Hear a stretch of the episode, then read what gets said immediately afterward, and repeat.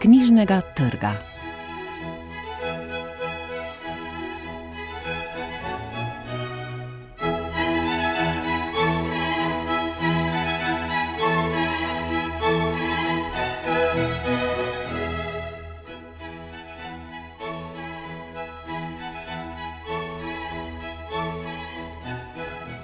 Dobar dan. Vincent Gotthard v romanu Na drugem koncu sveta piše o usihanju domačega jezika in kulture. Cvetka Belc pa je v naslov pesniške zbirke zapisala kljubovalno in vendar sem.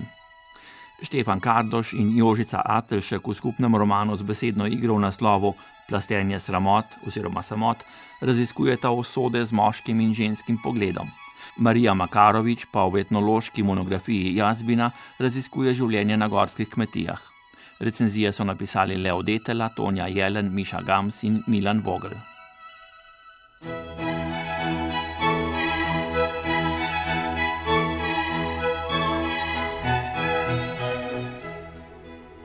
Vincent Gotthard, rojen leta 1964 v Zilski dolini, je slikar in fotograf ter urednik celovškega verskega tednika Nedelja.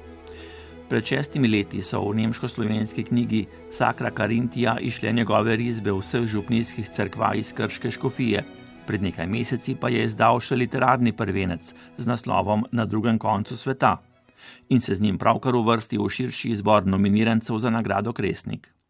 Roman je izdala celovška Mohorjeva založba, ocenjuje ga Leo Detela. Literarni prvenec slovenskega koroškega avtorja iz Dul pri Šmohorju v Zilski dolini, Vincenca Gotarda, na drugem koncu sveta, je v moderni refleksivni obliki napisano večsmerno delo. Glavna oseba Vince Hart je umetnik, ki sta ga brezbrišnost in nedonošenost modernega časa realno ali morda fiktivno odplavili iz domače karantanije v daljne dežele. V nekem obrobnem pristanišču doživlja posebne življenjske trenutke. Vidi in čuti, kako se vse okrog njega kvari, manjša in izgublja v morju drugačnosti in brezbrižnosti. Na primeru treh oseb v tujem pristaniškem mestu se Gotardovo prozno besedilo razrašča v večsmerno metaforo človekove ranljivosti. Te tri osebe, Samotni pozabljeni slikar svetovno pomembnih umetnin, upokojeni pristaniški delavec, ki večno popravlja čovn, s katerim bi se rad zapeljal na morje, in gospod na pragu hiše, ki skuša iz črk sestaviti vedno bolj pozabljene besede, so figure s simbolnim pomenom. V ospredju je aktualna tematika izgubljanja identitete in maternega jezika. Gotard k svojim junakom pristopa s senzibilno intimnostjo. Dogajanje v romanu je več ali manj alegorično. Avtor s pomočjo stalno ponavljajočih se epizod in zapletov v refleksije iz notranjih monologov in spominskih parabol oblikuje gosto mrežo meditativnih vsebinskih impulzov. Nenehno križanje in menjavanje različnih in vedno znova ponavljajočih se motivov in epizod, povezano z namigi na lokalno dogajanje v koroški stvarnosti, je sicer nekoliko utrujajoče, po drugi strani pa učinkovito ponuja uvid v ustrajni boj protagonistov za ohranjanje izginjajoče samobitnosti. Gotardov romaneskni prvenec je prilika o izginjanju in ponovnem oživljanju pozabljenega jezika in samobitnosti. Kljub v globalni svet usmerjenemu dogajanju je osnovno sporočilno jedro romana bistveno slovensko-koroško, vendar bi se v podobni obliki lahko dogodilo pri vsaki ogroženi skupnosti kjerkoli na svetu. Glavna oseba doživlja upadanje maternega jezika, trpi, ker je slišati vedno manj domačih besed in ker je značilno, da nekdo ne razume ali noče več razumeti jezika, ki se mu zdi, da ga je nekoč morda še razumel. S tem v zvezi so učinkoviti Gotardovi spominski pripovedni uložki o domačih slovenskih koroških ljudeh in krajih. Naprimer zgodba o pradedu, ki je v deželi na koncu sveta začel gojiti ribe in potočne rake in jih prodajati v bližnje hotele. Bil je prijatelj državnozborskega poslanca, ki so ga po koroškem plebiscitu pregnali iz domovine, ker se je zauzemal za drugo državo. Pradet je bil skoraj vsak dan s čovnom na vodi pri svojih rakih in ribah, vendar je nekega dne utonil, ker ni znal plavati. Ena od zelo trpkih koroških zgodb, ki jo je Gotard prav tako utkal v svoj roman, pripoveduje o kruhu, ki se je pekel v krušni peči, ko so morali domači v pol ure zapustiti hišo in oditi v pregnanstvo. Lačni so bili pregnani in vse življenje jim je najbolj manjkal kruh, ki se je v tistih hudih časih sežgal v domači peči. Kot težka melankolična melodija izgube pristno domačega in prvinsko prvotnega, so pripovedni elementi Gotardovega proznega sporočila refleksivno združeni v ironično in groteskno razpleteno središčno zgodbo o ukradenih slikah v pomembnem muzeju. Kdo jih je naslikal, kdo jih je ukradel in po čem je slava? Na ta vprašanja pravzaprav ne dobimo jasnega in zanesljivega odgovora, vendar je omenjena kraja slik povod za avtorjevo intenzivno soočanje z aktualnimi vprašanji umetnosti in umetnikov. Glavna oseba Vince Hart, kar je hudomušno ironični namik na avtorja knjige, ki je tudi sam slikar in umetniški fotograf, je osamljeni slikar v nekem zakotnem tujem kraju. Podoba je da je prav on slikar treh ukradenih slavnih slik z značilnimi domačimi slovenskimi koroškimi naslovi Zila in morje, brez pušelca in zažgani kruh. Na mesto slik so v muzeju ostali samo prazni okvirji, tudi ta praznina je po avtorjevem mnenju kljub vsemu metafora za upanje, ki postaja vsak dan dragocenejše. Z voljo in potrpljenjem lahko iz malega spet nastane več. Hartovih del prvotno niso prepoznali za umetnine, a zdaj se začne zanj zanimati ves svet. Njegova umetnost postane celo visoki politikum. Na odprtju razstave je navzoča smetana družbe z državnim predsednikom vred. Kljub veličastni slavi pa je Vince Hart v duhu pravzaprav nekje drugje. Morda doma, ob dragi domači zilji, A kaj ko tudi domovina vse prevečkrat in vse prehitro postane tujina. Avtor na nekaterih mestih sega v sam proces umetniškega ustvarjanja, čuti se, da piše iz lastne izkušnje. Na 34. strani lirično-poetično razmišlja ob ukradeni sliki o zilji in morju, o razsežnostih barv in barvnih odtenkov in njihovi različnosti, ki preprečuje, da bi se združili. Na tej sliki je nad mirnim modrim pasom še druga modra barva v več tonih, pa še nekaj čisto tankih belih lis je v tej modri barvi, že nekoliko bolj temni modri barvi, v tej zelo nemirni modri barvi v obliki visokih valov. Kot da bi se srečali dve vodi, tako kot obrobje in središče, kot da bi se srečali sladka voda z morsko vodo in se zaradi svoje različnosti ne bi mogli združiti.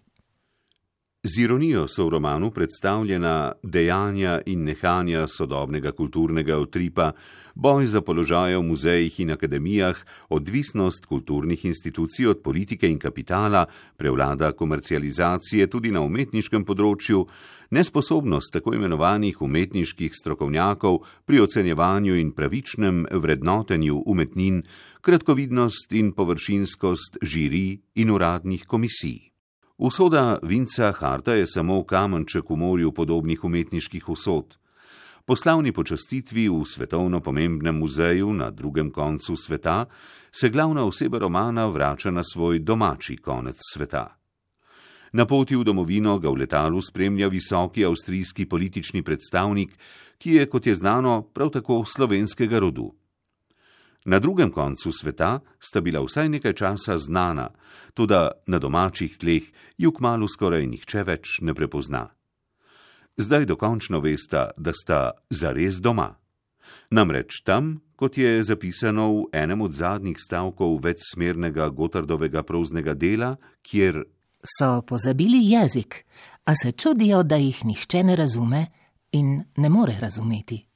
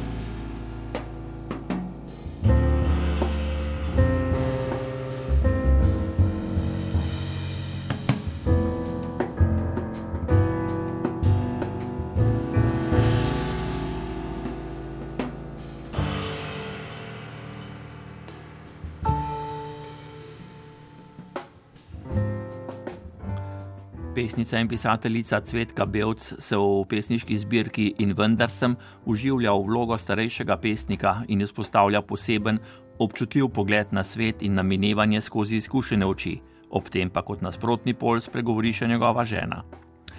Zbirko je izdala Mariborska založba Pivec, ocenjujejo Tonja Jelen. Peta pesniška zbirka Cvetke Belc je naslovljena po enem od razdelkov in vendar sem. To kljubovanje vsemu, ta navzočnost in obstajanje se jasno in odločno kažejo v vsej zbirki. Avtorica iz zbirke v zbirko dokazuje, da je njen glas premišljen in luciden. Njena prodornost se kaže v drži ustrajanja pri tem, da je vse vredno premisleka in da novodobne spremembe in tokovi niso nujno najboljši. Ta patos je na vse zadnje krik. Gre za to, da spomin in uživljanje v preteklost nudita marsikatero spoznanje. Po zbirki Siringa, prepleteni z grškimi miti, nas tokratne pesmi Cvetke Belc še bolj prepričajo. Pesnica nas zdaj vabi v različne svetove in vidike lirskega subjekta, ki pa ni nujno ženska. Je predvsem moški, ki z eruditskostjo in izkušnjami bolj ali manj uspešno krmari skozi čas oziroma pesmi, je modrec, ki nas vodi skoraj skozi vso zbirko. To je zanimiva in presenetljiva drža pesnice, ki govori skozi glas moškega spola, prav v času, ko naj bi se ženski spol vse bolj izenačil tudi v splošnih vzorcih nagovarjanja. Prvi razdelek z naslovom Pesmi starega pesnika nas uvaja v širino pesničinega znanja in veščega izpovedovanja. Prva pesem, vodilo mlademu pesniku, je kot vabilo v svet poezije in seveda pesnjenja. Ne gre spregledati, da gre za izkušnje, in pravzaprav popotnico v pesnjenje. Moral se boš prebiti skozi somrak vsega izrečenega, napisanega, prebranega, se pognati v zarotitve morja in leči med zaklinjanja ptičev, da boš odkril kamro napolnjeno zmivko, kamor sem kot otrok napisal prvo besedo. Zbirko in vendar sem odlikuje ne le veščina izpeljanih pesmi, pri čemer imata velik pomen jezik in spretno izpeljevanje podobe, ampak tudi modrost. To je velik pomen v obravnavani poeziji, saj modrost zajema iz izkušenj in znanja, ki jo avtorica neprisiljeno upesnjuje. Ponujena mesta za razmisleke so velika veščina, kako ubesediti znanje in ga pretvoriti v pesniški jezik. Posebno pozornost je treba nameniti tudi globini in občutju.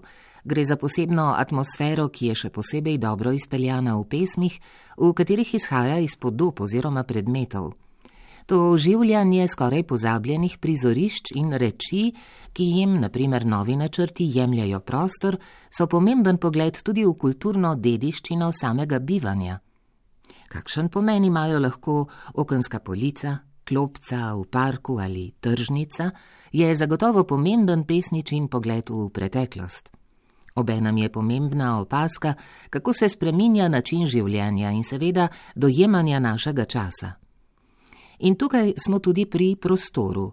Intimni, že skoraj da minimalistični prizori, naprimer v dnevni sobi, se kot drobne skice pogosto pojavljajo.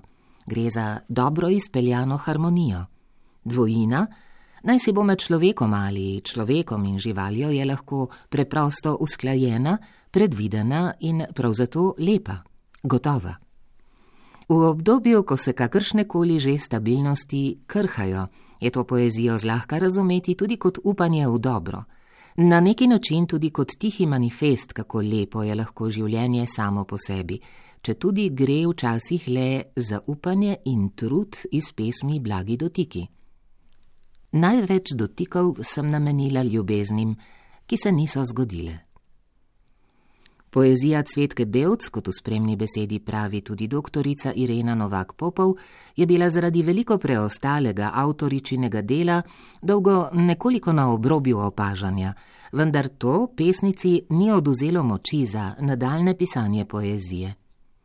In vendar sem, je zbirka, ki s spretnim jezikom, širokim znanjem in prepričljivim občutjem ponuja veliko poznavalske razsežnosti in bravskega užitka.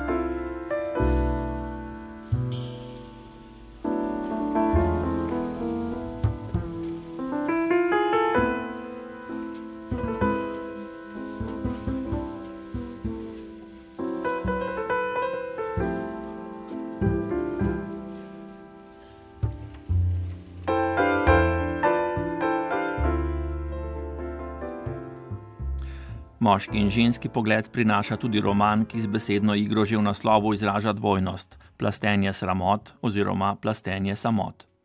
Tudi pripoved teče na dva načina, ena razpršeno, druga premočrtno, in celo avtorja sta dva. Štefan Kardoš, ki si je pred leti že preizkusil v pisanju romana skupaj z drugima pisateljema, in Jožica Atelšek. Le založba je ena, litera iz Maribora. Roman ocenjuje Miša Gams. Roman Plastenje sramot ali Plastenje samot je prava posebnost v slovenskem literarnem prostoru. Združuje namreč dve življenjski zgodbi, ki na prvi pogled nimata kaj dosti skupnega. Štefan Kardoš, pisatelj, ki je predtem v romanu Vse moje Amerike raziskoval detkovo zgodovino, se je tokrat odpravil na francosko podeželje iskat babičino ljubezensko zgodbo.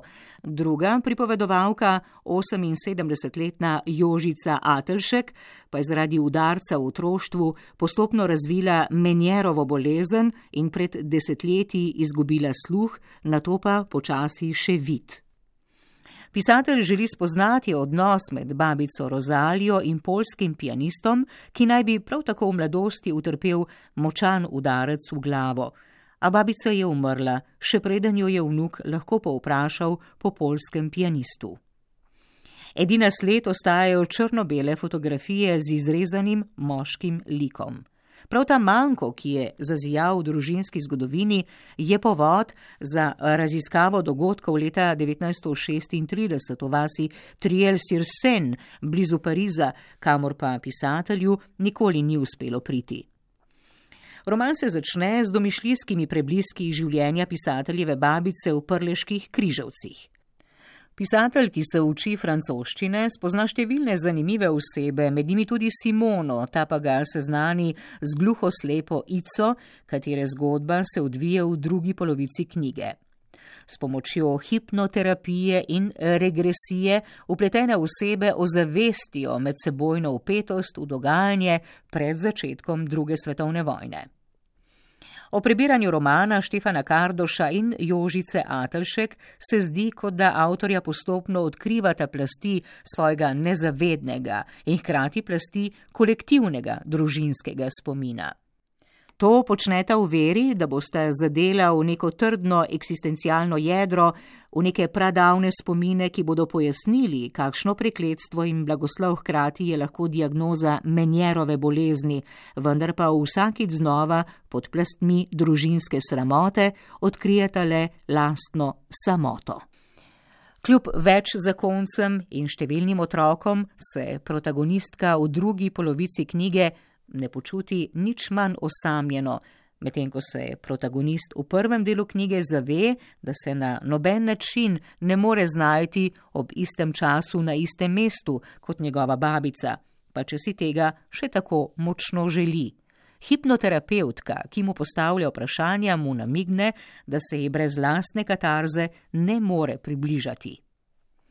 Junaki romana si želijo osvoboditve, ob tem pa se nenehno bojujejo z osamljenostjo in predsotki o tem, kako jih vidijo drugi. Kljub temu zberejo pogum, da nadaljujejo v začrtani smeri, pisatelj ne odstopi po izvedovanja po zamovčanem poglavju družinske zgodovine, v drugem delu pa se pripovedovalka kljub majhnima otrokoma odloči, da bo skrbela za slepega partnerja, čeprav tudi sama nepovratno izgublja sluh in vid. Bralec se tako na več mestih zaloti ob vprašanju, ali nista individualni oziroma organski in kolektivni oziroma družbeni manjko tako prepletena, da ni mogoče razmejiti, dokot sega kateri od njiju. Vprašanje, ki se nam poraja, je, ali nista slepota in gluhota samo drugo ime za zaznavanje drugačnih dimenzij bivanja, za subtilno motrenje realnosti in prepletenosti vsega bivajočega.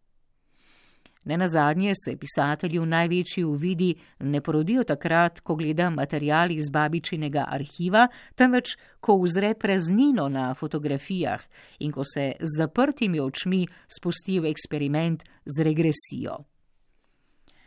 Plastenje sramot ali plastenje samot je tudi roman dveh povsem različnih literarnih stilov. V prvem delu Štefan Kardoš nelinearno preskakuje dogodke in se k njim vrača, pri tem pa v pripoved vnaša francoske izraze in jih občasno podkrepi s prleškim narečjem. Drugi del knjige, ki je nastal pod taktirko Jožice Atelšek, pa je v nasprotju s prvim delom povsem linearen in zato tudi bolj razumljiv. Začne se namreč s pisateljičinim otroštvom in konča z njeno starostjo, vmes pa postreže zanimivimi detajli iz vsakdanjega življenja, ki ga zaznamuje nenehan boj za obstanek.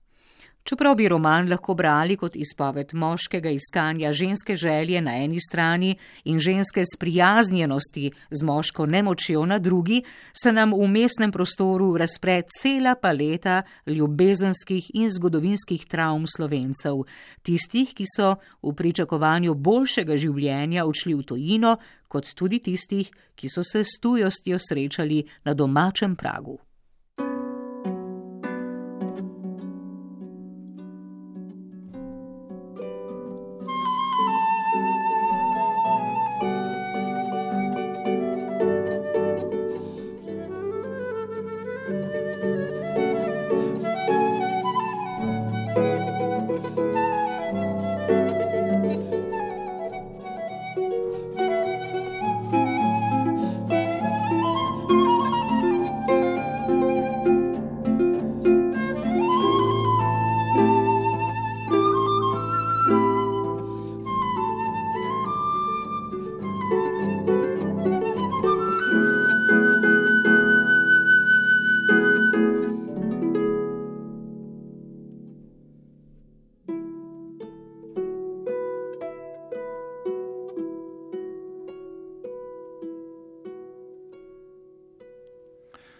Začeli smo v Zilski dolini, končajmo na posem drugem koncu Koroške, nad Mežiško dolino. Etnologinja Marija Makarovič se je v monografiji Jazbina posvetila življenju jazbitskih in podgorskih družin z tega gorskega kmečkega naselja pod Uršlo goro. Knjigo je izdala občina Črna na Koroškem, predstavljajo Milan Vogel. Etnologini doktorici Mariji Makarovič leta ne pridejo do živega. Pri 90-ih je po štirih letih raziskav izdala več kot 800 strani obsežno etnološko študijo o jazbini, eni od gorskih naselbin v občini Črna na Koroškem. Občini, ki se lahko ponaša s čudovitimi dolinami Tople, Koprivne, Javorja, Bistre, Podpece in še katere. Na poštni ovojnici je zapisana teža knjige: 2,260 kg. Ta gorski svet pomeni, da je morala avtorica narediti veliko terenskega dela na neravno položnih krajih. Jazbina je položena na pobočje od Uršlje gore, se pravi od podgore proti Žrjavu, nad katerim leži tudi danes že zaraščeni pogorelec, znan po romanu Prežihovega voranca Požganica. Monografija Jazbina je razdeljena na dva dela. V prvem avtorica po res ustrajnem brskanju po arhivih in katastrih analizira zgodovinsko dogajanje na tem območju, omembe kmetij in rodovnike na njih, vsakdanje življenje in s tem povezane navade ali, kot bi lahko tudi rekli, šege, ki so se še posebej z uvedbo mehanizacije bistveno spremenile. V ta del sta seveda vključena tako vsak dan, ki zajema običajna kmečka dela in opravila, od recimo košnje in vrtnih del do krstov, ohceti in sedmin po pogrebih. Gospodarstvo je temeljilo predvsem na poljedelstvu in živinoreji, le malo kmetij je imelo tudi gost, saj ga kmetom po denacionalizaciji pliberških grofov Turnov po nastanku prve Jugoslavije niso vrnili.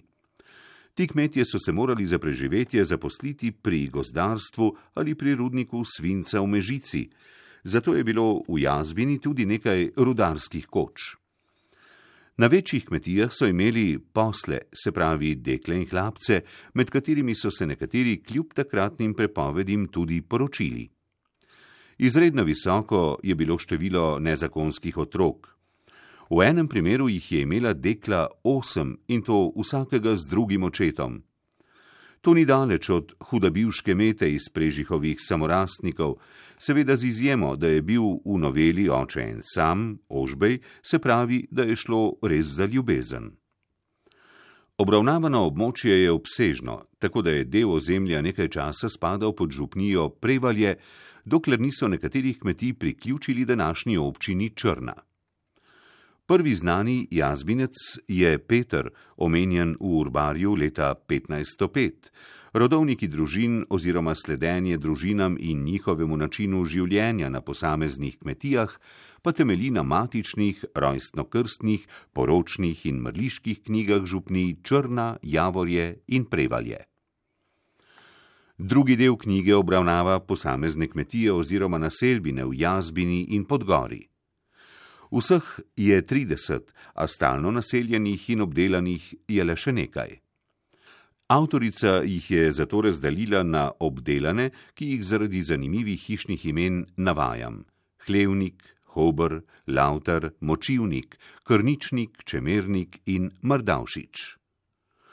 V drugem poglavju obravnava kmetije in kajže z obdelanim vrtom, v tretjem v vikende spremenjene kmetije in kajže sledijo opuščene kmetije, tem pa še kmetije in kajže zarasle z gozdom, predvsem na območju Pogorevca oziroma Prežihove požganice in Obretanovega vrha.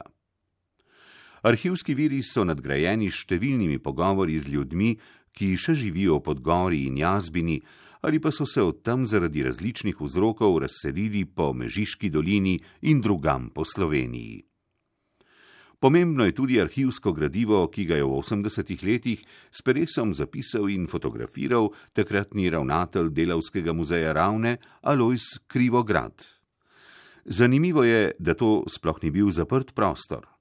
Ljudje, zlasti otroci, so se družili tudi med dvorno hojo v šolo, odrasli med hojo v cerkev, presenetljivo veliko pa je ljudi, ki so se tja preselili iz štajerske strani, šoštanja ali belih vod. Šola v Javorju, ki so jo pred nekaj leti zaprli, je veljala za najvišje ležečo šolo v Sloveniji. Monografija Marije Makarovič Jazbina je tako eden redkih in zglednih primerov prikaza življenja na seli, ki počasi ugašajo in se zaraščajo.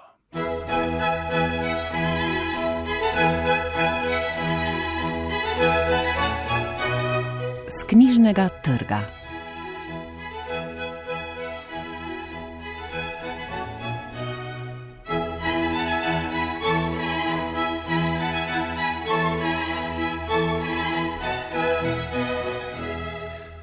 Poslušali ste oddajo z knjižnega trga.